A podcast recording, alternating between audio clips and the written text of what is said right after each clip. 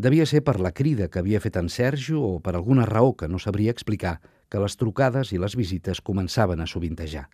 Potser era que en ambients musicals ja circulava, ara sí, la notícia que es podien adquirir bons pianos a preus interessants. L'Steinway Sons no era l'única peça que tenia festejadors. El playel vertical havia suscitat l'interès d'una professora de música que el volia per a la seva escola. Era una dona madura que no venia a mirar pianos en general, sinó un de concret, el Playel, una marca per la qual sentia una gran admiració. Com els de Chopin, que sempre va ser fidel a aquesta casa. N'hi havia dos a la botiga, un d'estudi i un de concert, però només estava disposada a comprar el més econòmic, el vertical. Feia temps que el tenia ullat i de tant en tant passava per la botiga per veure si en Peta li rebaixava el preu.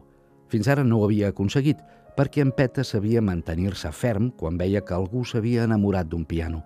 Però ara sí, havia arribat el moment d'aprofitar els descomptes.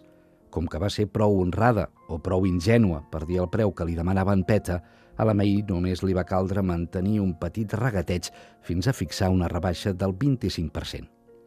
Va ser una venda ràpida, però quan ja havien acordat el preu, la May va tenir una intuïció. Li semblava recordar que al portàtil d'en Peta hi havia alguna referència als pianos Playel i va anar a consultar-lo un moment. En efecte, el Playel llarg tenia unes notes que l'associaven a les visites d'una tal Magda, que devia ser la clienta que tenia ara al davant – si realment era ella, si havia passat ja unes quantes vegades per demanar preus, calia aprofitar-ho. Aquesta dona es deleix pel Playel car, va pensar la May. Llavors li va proposar una alternativa. I si, en lloc de comprar el Playel vertical, es quedava l'altre Playel, el de mitja cua? Es tractava d'un instrument gairebé de col·leccionista que mantenia la sonoritat característica de la marca de Chopin.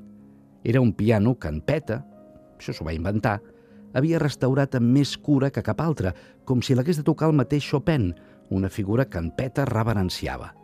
La dona va dubtar i la May, per temptar-la encara més, li va suggerir que el provés sense cap mena de compromís. Era la primera vegada que la May se sentia segura en el paper de venedora.